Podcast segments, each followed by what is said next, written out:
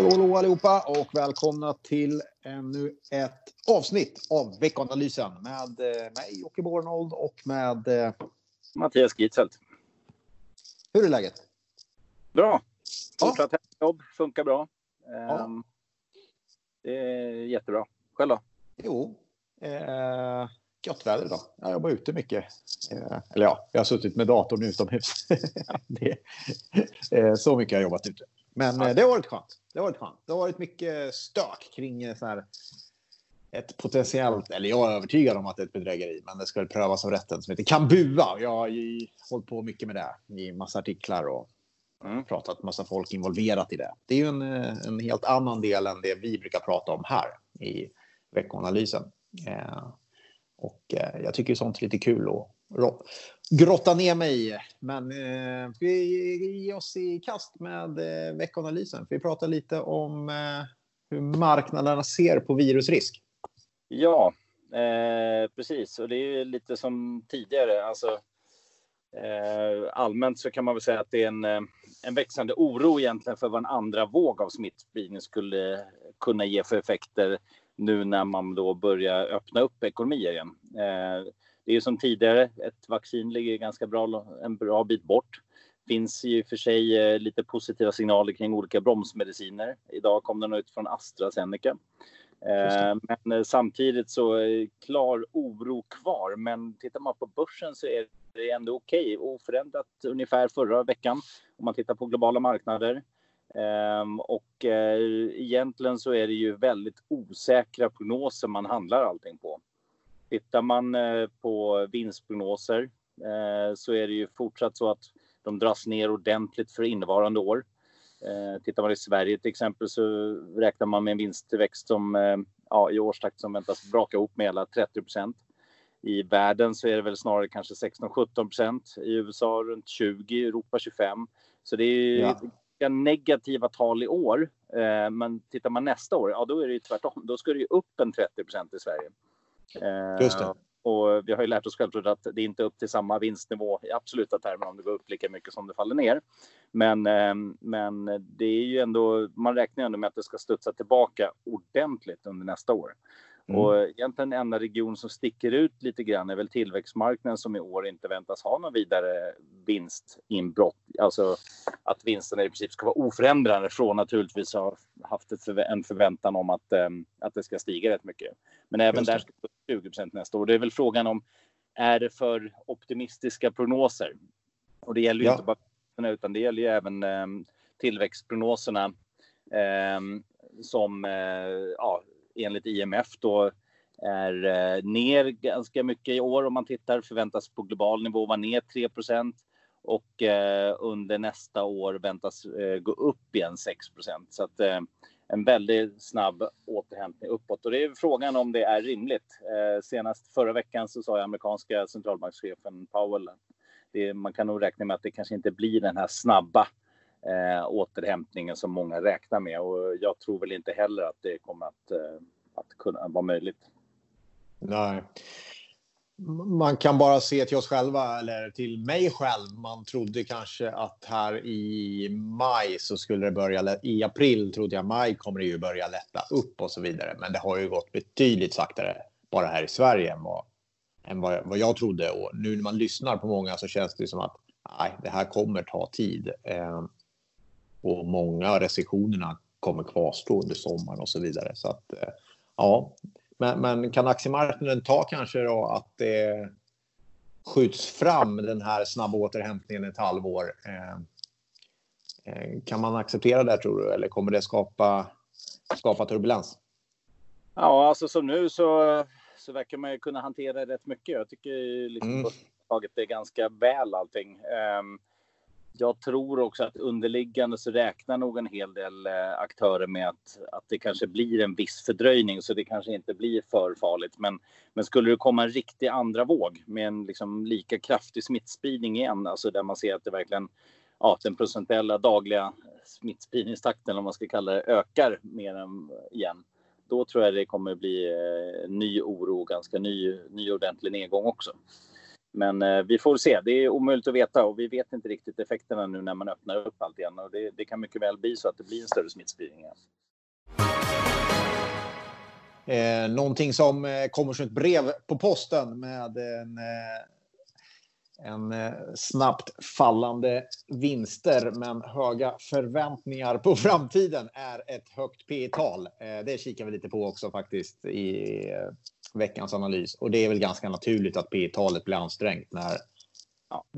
när vi är där vi är just nu. Det är ju en, vad ska man säga, dels en, det är en lite automatisk effekt om, om mm. vinst Eh, ja, om, om börsen börjar stiga och vinstprognoserna ligger kvar så stiger värderingen och framförallt också om kanske vinsterna till och med justeras ner och börsen håller upp så är det ju samma effekt också att, eh, att värderingen blir hög. Så tittar man till exempel i i USA så brukar det, om man tittar femårssnittet på P tal så ligger det någonstans 15,5. Eh, tittar man lite längre period så är det lägre än så, det kanske är runt 14. Eh, och idag så ligger vi på över 17. Eh, och det var någonstans 16-17 innan coronakrisen. Eh, men sen när det small till och börsen vek kraftigt och vinstprognosen inte hann justeras riktigt, ja då åkte det ner mot 12,5-13. Så det svänger rätt ordentligt i värderingarna. Och vad är rimligt värderat? Ja, men det kanske är någonstans Eh, om det historiskt är 14-15, ja, då kanske det ska vara, givet ränteläget, ska det vara lite, lite högre, så 15-16 då. Mm. Men nu när det är uppe på 17, 17,5, ja, kanske det börjar se lite dyrare ut. Ja. Men det är svårt att säga för det bygger som sagt på, på 12 månaders framåtblickande prognoser och det, de är ju väldigt osäkra nu som sagt. Mm. Just det. Du, det kom lite makrostatistik i veckan som gick också eh, förstås. Eh, ja.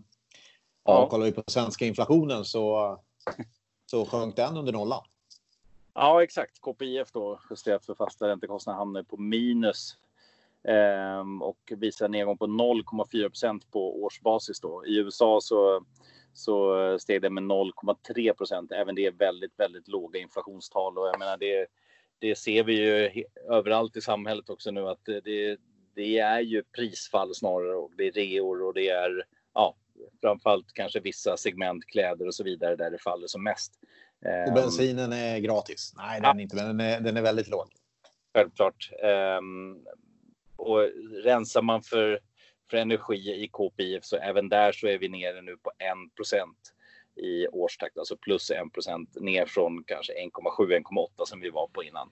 Så att eh, det, det, är nedgång i inflation och det är också självklart då att eh, ja, centralbankerna kommer med, eh, med lättnader och kommer naturligtvis ligga kvar med låga styrräntenivåer. Det, är också, det Riksbanken också gjorde förra veckan var ju faktiskt att man öppnade upp för ytterligare köp av av företagsobligationer i Sverige och eh, har nu en utredning som man, där man har anlitat Blackrock, den stora Eh, finansiella rådgivaren, eh, för att utreda hur man kan göra det bäst på svenska marknaden.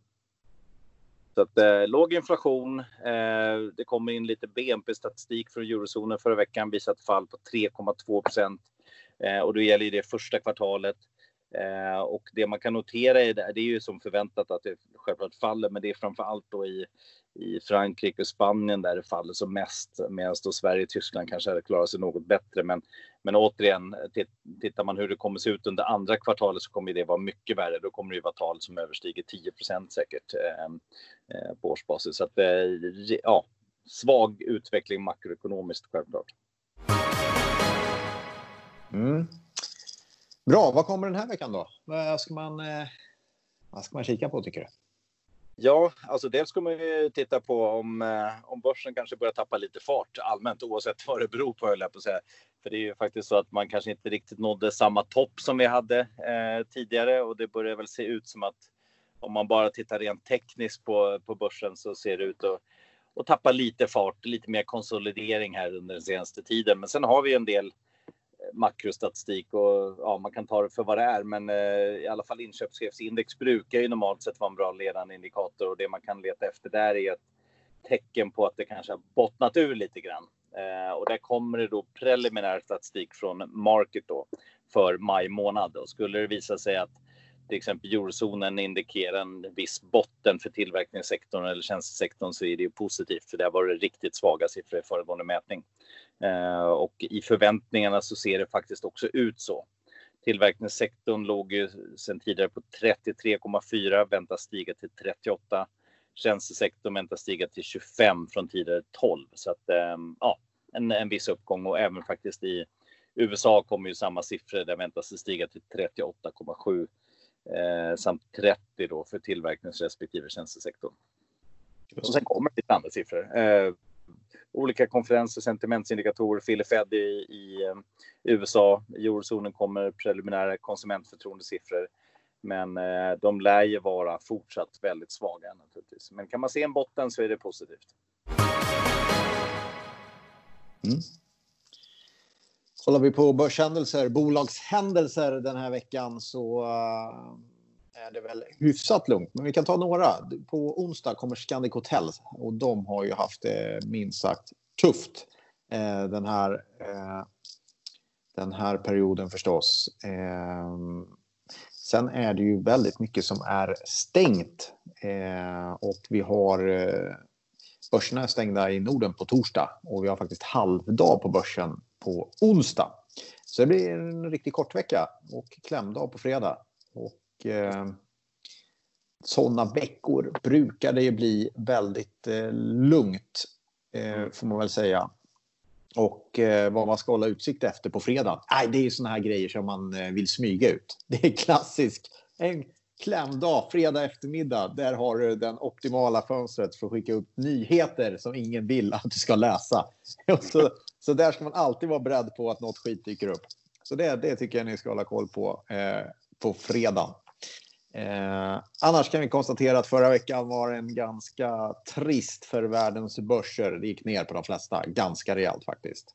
Eh, upp mot 4-5 procent eh, ja. överlag. Så det var, det, det, var, det var ingen vidare vecka. I kronor räknat vart det väl ja, i världen minus en. Så inte allt för blodigt ändå i kronor räknat. Mm. Eh, men, men absolut lite nedgångar. Men sen jag tänkte faktiskt på det. En, en stor rörelse som var förra veckan eh, var ju faktiskt igen eh, oljan som faktiskt steg rätt mycket. Mm. Där är det ju fortsatt väldigt, väldigt volatilt. Ja. Ja, annars så har vi någonting mer. Ja, jag noterar att Japan eh, hittills i år ner i SEK ner minus 4 procent. Det är någonting som har pratat om här, att Japan Eh, faktiskt eh, har en tendens att eh, vara bra när det är lite skakigt. Och det har väl faktiskt visat sig stämma. Det har funkat ganska bra om man eh, haft lite Japan, även om det ändå har gått ner som så mycket annat.